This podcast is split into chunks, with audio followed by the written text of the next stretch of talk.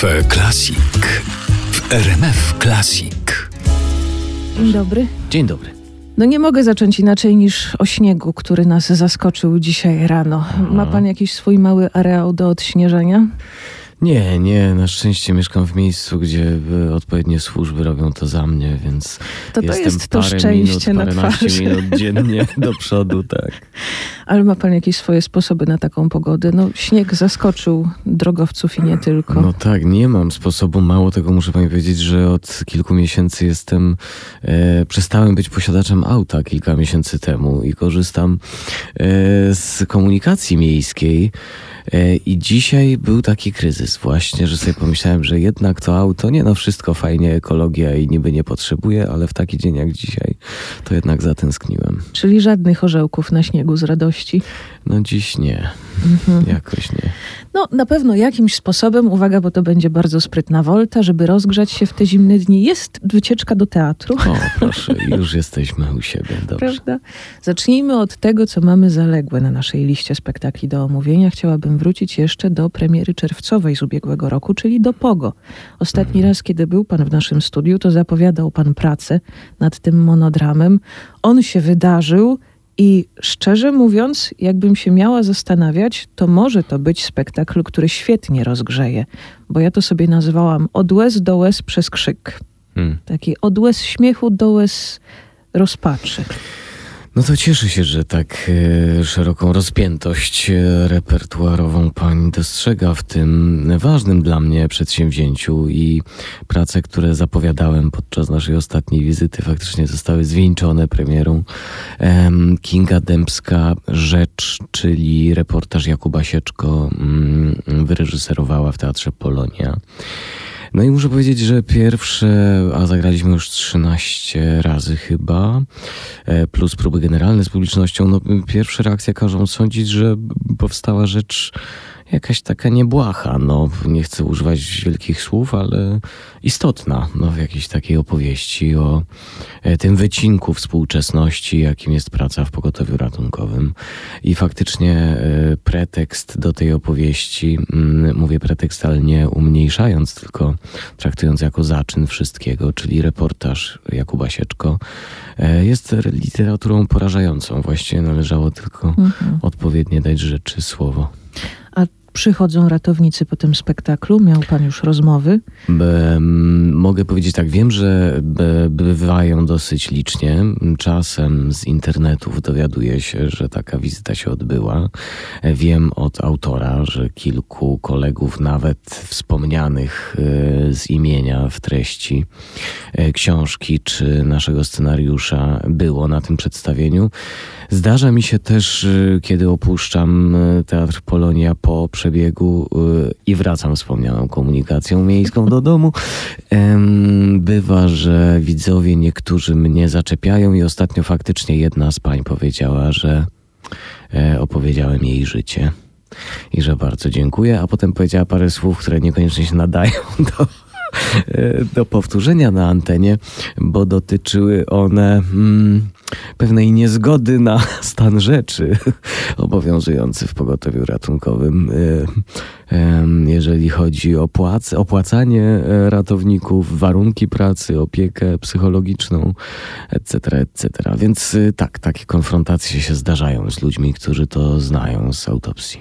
Bo to jest chyba bardzo ważny moment w teatrze i bardzo ważny głos. Sporo takich spektakli się pojawiło w ostatnich latach, które opowiadają o naszym życiu, pokazują wycinek świata, który jest, jest realny, dotyczy konkretnych grup zawodowych, ale my jakoś to tak trzymamy w naszej bezpiecznej odległości, żeby sobie nie Mhm. Myślę, że uświadomić, to też jest, to jest taki, Pogo jest takim tekstem, który e, no, pokazuje niby znaną wszystkim sferę życia z jakiejś takiej strony em, no, na tyle wielowątkowej i tworząc wyczerpujący obraz e, pracy w pogotowiu ratunkowym, że chyba nie zawsze spodziewanej. To znaczy, że myślimy sobie, jak ta praca mu, musi wyglądać, że jest trudna, że jest obarczona różnymi e, emocjami, że jest słabo opłacana, ale wydaje mi się, że dopiero to zderzenie z całym spektrum emocji, zachowań, zdarzeń, które serwuje nam autor,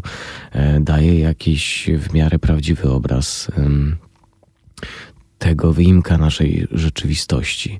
A z drugiej strony myślę, że to nie jest tylko dokument, bo mm, Kuba Sieczko jest świetnym pisarzem. To znaczy, to jest po prostu bardzo dobrze literacko napisane. Bardzo dowcipnie. Bardzo też. dowcipnie, z ogromnym poczuciem humoru i nienachalną erudycją, powiedziałbym. z takimi e, skojarzeniami, no, których pewnie nie powstydziliby się najlepsi twórcy e, prozy e, po prostu e, współczesnej. Ma ten żart, e, umie budować frazę, to też się bardzo dobrze mówi. Dla mnie oczywiście nauka dwóch godzin tekstu była dosyć trudnym zadaniem, ale jednak to frazowanie, które autor zaproponował, bardzo pomaga. Tam się po prostu zgadza ilość sylab. No nie mówię, że to jest wiersz biały, ale, ale że to jest taką rytmizowaną prozą pisane. I to się świetnie tego uczy i się świetnie to mówi, że tam nie ma zbędnych słów. E, więc myślę, że to nie tylko taki dokument, ale też jakaś kreacja, że są tam miejsca i momenty, kiedy autor e, no jakby zbiera te szczegóły, które opisuje i, i zmierza w jakąś stronę, no właśnie syntezy, sublimacji, esencji, wyciągnięcia wniosku, nie zawsze tylko namacalnego, realistycznego, ale też jakiejś myśli bardziej egzystencjalnej czy filozoficznej. Tfu, tfu. Tfu, tfu. I bardzo ciekawy jest ten pomysł inscenizacyjny, że pan w sumie siedzi między publicznością, że pan jest tak blisko No niemalże, tak. To znaczy gramy ten monodram, y, to może warto powiedzieć i na dużej i na małej scenie, w zależności od um, możliwości um, zainteresowania. I faktycznie na małej scenie to jest niezwykle blisko. To znaczy, to mhm. już jest... Mam wrażenie, że niekiedy ten pierwszy rząd y, mm, siedzi Chciałby mało wygodnie, uciec. ale nie w takim sensie niewygodnych foteli, tylko w takim sensie, no, że ta, e, ten dystans jest za mały, że ta ilość informacji i emocji na wyciągnięcie ręki przytłacza i, i faktycznie e, pojawiają się myśli o e, ucieczce z tej konfront- od tej konfrontacji. Na dużej scenie ten dystans jest troszkę e, większy, ale i tak e, widzowie, no właściwie na których cały czas patrzę i do których mówię, e, nie mogą e, ani na chwilę odetchnąć w, w, spokoju, bo mimo, że nikogo tam nie wyciągam na scenę i nikt ze mną nie gra w tym przedstawieniu, e, poza Radkiem Luką, kompozytorem, który jest obecny na scenie przez całość trwania przedstawienia, to, e, to jednak no wszystkie te opowieści e, bohatera Pogo są opowieściami adresowanymi bezpośrednio do widzów i to czasem do bardzo konkretnych e, widzów, które referuje patrząc im prosto w oczy. Oglądając ten spektakl myślałam o tym, że on jest trochę filmowy i zastanawiałam się, czy to jest moja jakaś dziwna refleksja, czy rzeczywiście ta współpraca z Kingą Dębską też wpłynęła trochę na ufilmowienie teatru. Trudno mi powiedzieć. Nie mam takich refleksji, ale nie odmawiam prawa do nich, bo mm, faktycznie ja jestem człowiekiem z teatru, właściwie głównie i przede wszystkim, a Kinga jest przede wszystkim i głównie e, człowiekiem filmu. Mm, sama się do tego przyznaje i, i myślę, że bardzo prawdopodobnym jest, że z tego kombo jakaś taka jakość wyniknęła na poły teatralno-filmowa. Wiem, że są też e, rozmowy z autorem, plany, e, już nie, nie Kingi, ale innych podmiotów o ewentualnym przeniesieniu na ekran e, tej książki. Kolejny tytuł, równie rozgrzewający, nie bez powodu hmm. był sylwestrowym tytułem Teatru Polonia w teraz przełomie 2023-2024 na Rauszu. Kolejny bardzo dowcipny tekst i bardzo pięknie lawirujący pomiędzy humorem a tragedią.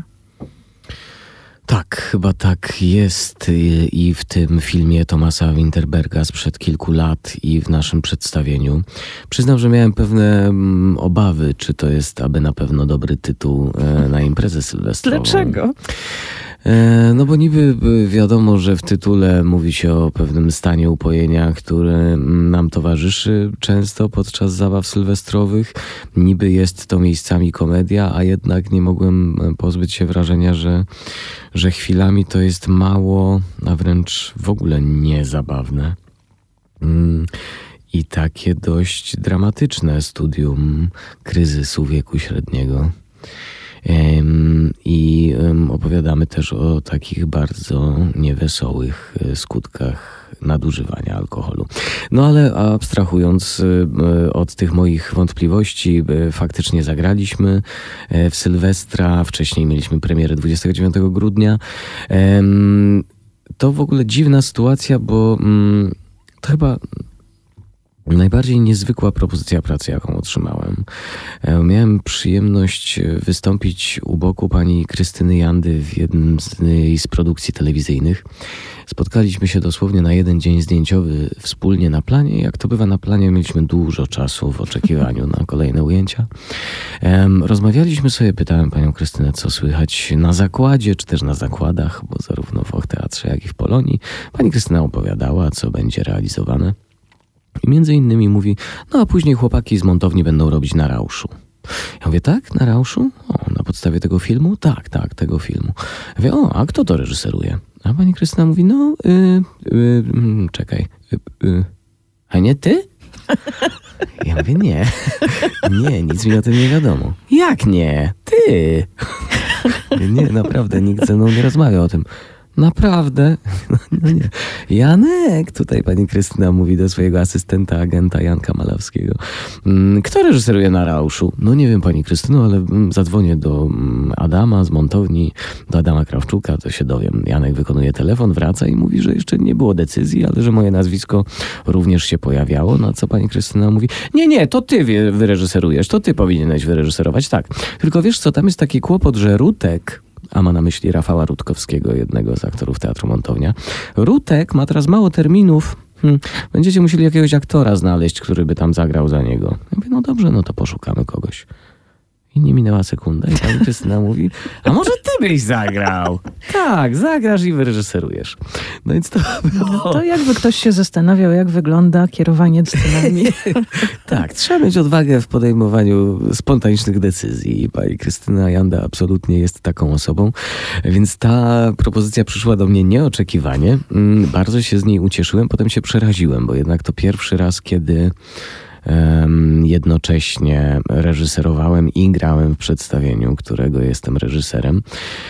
No i takie mam e, przemyślenia po całym tym procesie, że to chyba gdyby nie mm, wspaniali koledzy z Teatru Montownia, Adam Krawczuk, Maciej Wierzbicki, Marcin Perchuć, to chyba by to nie przebiegło tak gładko, bo faktycznie mieli mnóstwo cierpliwości, otwartości, mm, byli bardzo korni, bardzo mnie słuchali i znosili te wszystkie moje zawieszki, w których zamiast podawać tekst, żeby mogli grać dalej, e, ja no właśnie uległem e, zawieszeniu nagłemu, odjechałem w swoje myśli wewnętrzne reżysera i się zastanawiałem, czy tutaj dwa kroki w lewo, w prawo, czy idziemy do przodu, jakie światło i kiedy muzykę puścić, więc dla nich zapewne to było bardzo trudne. Mm, taki zaburzony był to proces mm, budowania scen dialogowych. Dla mnie osobiście, no to samą moją rolą, bo gram tam postać Mikołaja, zająłem się chyba, no, żeby nie, nie skłamać, na dwa tygodnie przed premierą. Pomyślałem, że zaraz muszę się zastanowić, coś tam trzeba zagrać, w którym momencie co. Że to nie tylko, że się nie nauczyłem ważne tekstu kiedy, ważne z jakim efektem. No mo może, ale na pewno było to dla mnie doświadczenie zupełnie nowe ym, i niełatwe, ale chyba, chyba dzięki wspaniałej ekipie zwieńczone jakimś, jakim, jakąś satysfakcją przynajmniej, którą mam i radością e, z tej produkcji. No to w związku z tym, że ten tekst przyszedł do Pana w bardzo nietypowych okolicznościach, musiał Pan sobie wytłumaczyć, sprawdzić, co Pana w tym jakoś dotyka i, i co się okazało najważniejsze dla Pana w tym tekście. E, wie pani, szczęśliwie mm, ten scenariusz, który otrzymaliśmy, to już była adaptacja zrealizowana przez jakiego Klausa Flegar, e, który mm, popełnił no właśnie duńską adaptację teatralną e, scenariusza filmowego. Więc tu już na etapie tłumaczenia Jacka Telęgi, które otrzymaliśmy, to było bardzo silnie Mm, różne od filmu w takim sensie formalnym. To znaczy, oczywiście, historia, fabuła jest ta sama, natomiast no, sam fakt, że jest tylko czterech bohaterów, nie ma żadnej innej postaci, że e, w roli uczniów klas e, szkolnych, których naszymi bohaterowie, nasi bohaterowie są nauczycielami, występuje publiczność, więc jest to w pewnym sensie interaktywna sztuka. A po trzecie, że mm, przez ten fakt, fakt, że w teatrze, jak to, a jeszcze wracając do Pogo, bo tutaj taka dygresja, kiedy Kinga przyszła do pani Krystyny i powiedziała, no wie pani, ja to tak na teatrze się znam średnio, bo ja to z filmu jestem, a pani Krystyna jej powiedziała, no czym się pani przejmuje? Po prostu cały czas reżyseruje pani plan ogólny. No i że na tym polega różnica między... Silna ręka. E, tak, teatrem a filmem. I a propos tego, e, przy okazji Narauszu i, i tej adaptacji, no faktycznie fakt, że to cały czas jest w planie ogólnym i że nie mamy zbliżenia, czy też POV e, Martina, e, bohatera granego w filmie przez Matsa Mikkelsena, tylko że właściwie widz steruje swoją uwagą i może każdego z bohaterów obserwować w każdym momencie działania scenicznego, sprawia, że no, ten bohater jest bardziej zbiorowy, to znaczy bardziej to jest czterech y, równoprawnych, równorzędnych y, głównych bohaterów. Nie jest tak bardzo ciężar położony na historię Martina, co nie znaczy, że ona jakoś y, słabiej się opowiada, ale mam wrażenie, że te pozostałe trzy wątki jakoś lepiej wybrzmiewają. Tworzą, jak to powiedziała jedna z naszych widzek, taki, takiego światowida, taki posążek o czterech twarzach e, faceta, który no właśnie, właściwie każda, każdy typ osobowości e, w tym naszym portrecie czterech bohaterów chyba się mieści. Dla mnie najciekawsze było to, że, że bohater, który, w, której, w której to partii sam siebie obsadziłem, e, kończy 40 lat i że, mm, czyli mm, zdradzę Państwu tajemnicę tyle, ile jeszcze mam przez parę dni, to zaskakująco dla mnie brzmiały pewne niepokoje, które on z siebie wyrzuca, a które też y, swego czasu przed 40, przed 40 urodzinami były i moim udziałem. To znaczy takie pytania no, fundamentalne, egzystencjalne, czy to już wszystko, co się miało zdarzyć w tym życiu, to się zdarzyło? W takim sensie nowego wydarzania się, rzeczy, o których nie pomyślelibyśmy nigdy, spotkań, relacji, czy to już y, od tego momentu kolejne 40 lat to będzie odcinanie kuponów od tego, co się zna i tak dalej. Więc mm, te mm, mm, kwestie, te wątpliwości, te myśli, które niekoniecznie mają bezpośredni związek z, ze spożywaniem alkoholu, czy też nie, e, tylko po prostu są kwestią e, chyba immanentną pewnego wieku. Przynajmniej w przypadku mężczyzn tak myślę, że jest, ale nie wiem, jak to jest u pań. No, przemilczę. Okej. Okay. Wie, więc, że to są kwestie na tyle uniwersalne, że, że no właśnie można opowiadać e, niby m, posiłkując się historią napisaną przez Duńczyków, niby mm, umieszczając ją w duńskich realiach, skandynawskich, a jednak opowiadać o czymś tak e, wspólnym i uniwersalnym, o przyjaźni, o kryzysie, o niepewności, o niezgodzie, na to, że życie przestało zaskakiwać i że nie jest może odzwierciedleniem naszych marzeń czy planów e, jeden do jednego, ale i o, e, o mm, katalizowaniu tych emocji w, no właśnie, używkach typu alkohol. No właśnie chciałam kolejne pytanie zadać, które miałoby dotyczyć tego, czy dużo rzeczy trzeba było przetłumaczyć z duńsko-szwedzko-holenderskiego tak, na nasze. No to z tymi kryzysami nie trzeba było. A z takim postrzeganiem świata i na przykład poczuciem humoru, do którego wracam, bo jednak siłą tego filmu, siłą tego tekstu, jak sądzę, jest w dużej mierze bardzo piękne równanie pomiędzy tragicznym a komicznym. No bo chyba wtedy się coś prawdziwego dopiero pomiędzy tymi dwoma elementami wydarza. Mhm. Myślę, że tutaj dużą pracę wykonał tłumacz, a i my nie ukrywam, że na etapie prób byliśmy bardzo czujni i tak staraliśmy się, korzystając no nie z oryginału e, duńskiego, ale z angielskiego tłumaczenia tej oryginalnej adaptacji, próbowaliśmy no tak e, dobrać słowa, e, żeby to na pewno znaczyło to, o co autorowi chodziło i aby było no, komunikatywne także w tej sferze żartu e, o której pani wspomina, e, pod naszą szerokością geograficzną. Nie sililiśmy się jednak na jakieś takie mm, drastyczne mm, uwspółcześnienia, czy też no właśnie mm, przeniesienia tego formatu w polskie realia. Wydało mi się to zbędne, a Prawdą jest, że e, Duńczycy też zdaje się mają ogromny problem, jeżeli chodzi o spożycie alkoholu, szczególnie wśród młodzieży. Więc to nie jest wcale tak daleko, te dwa światy. Jeżeli chodzi o poczucie humoru, no to może kilka żartów e, e, chcieliśmy, żeby było czytelniejszych, ale też zostawiliśmy to raczej na takim pułapie, że to ludzie inteligentni ironicznie ze sobą rozmawiają.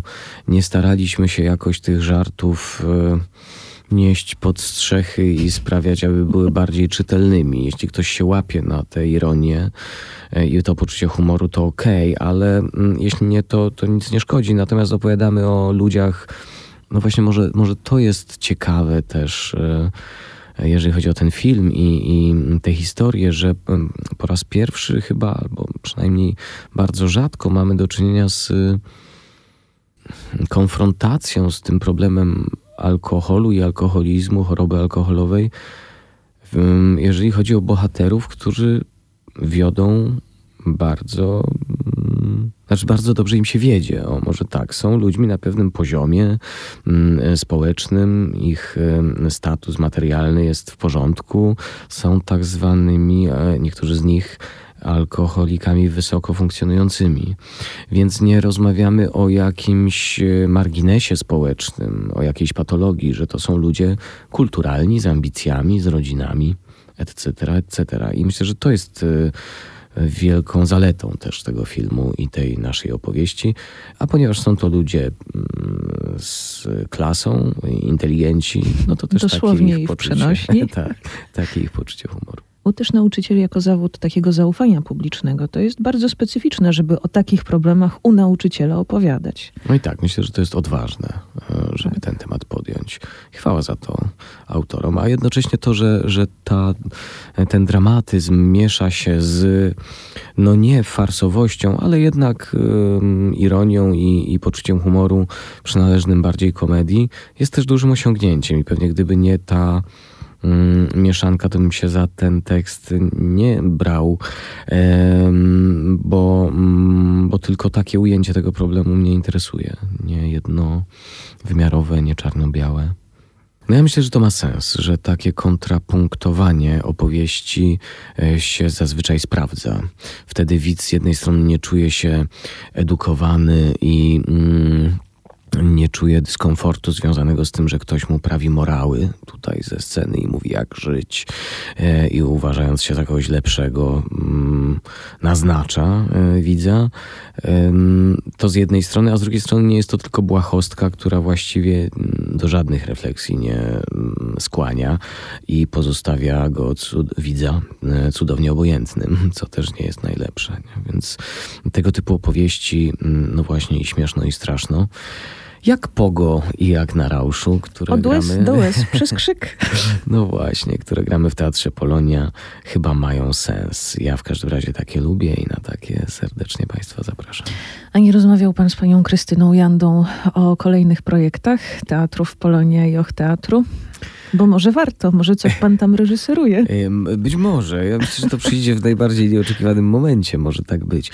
Nie, mówiąc całkiem serio, dawno, dawno temu, bo przy premierze Słonecznych Chłopców, y, którą, hmm, a już nie pamiętam kiedy, y, mieliśmy w Och Teatrze, czyli jeszcze przed Pogo i przed Narauszu, rozmawialiśmy z panią Krystyną i y, Czarkiem Żakiem, który pięknie zagrał w tych Słonecznych Chłopcach, o mm, tytule, który miałby być takim uhonorowaniem kariery Cezarego teatralnej e, na deskach Och Teatru, e, więc cierpliwie czekam, nie pośpieszam, bo, bo nie chcę, żeby Czarek za wcześnie żegnał się z tą sferą swojej działalności, jaką jest granie w teatrze, bo jest fantastycznym aktorem, ale pewnie prędzej czy później temat wróci i, i wtedy będziemy się mogli spotkać i pogadać o tym, co w Och Teatrze Cezary Żak będzie grał pod moją wodzą. No to dobrze, na tę rozmowę już się umawiamy, a coś pomiędzy jeszcze zapowiadamy? Oj, pomiędzy, pomiędzy, tak, troszkę chciałem odetchnąć z początkiem roku, ale mm, chyba nie jestem osobą, która umie to robić zbyt dobrze, więc za chwilkę zaczynam e, jako aktor, tym razem próby e, do spektaklu Nasze Żony w reżyserii e, Wojciecha Malajkata w Teatrze Stu w Krakowie tym razem, więc na zaproszenie dyrektora Krzysztofa Pluskoty pojawię się w marcu w Krakowie. A te rozliczenia około 40-letnie, jakieś pozytywy wyszły z tych rozliczeń? Cóż powiedzieć, za chwilę kończę 41 i mam wrażenie, że nie jest gorzej niż było zanim kończyłem 40, więc nie taki diabeł straszny. To może jeszcze do tego diabła jakiegoś aniołka na śniegu. Dzisiaj można. Pomyślę. Dziękuję. Dziękuję pięknie. ślicznie. Kafe Klasik z RMF Klasik.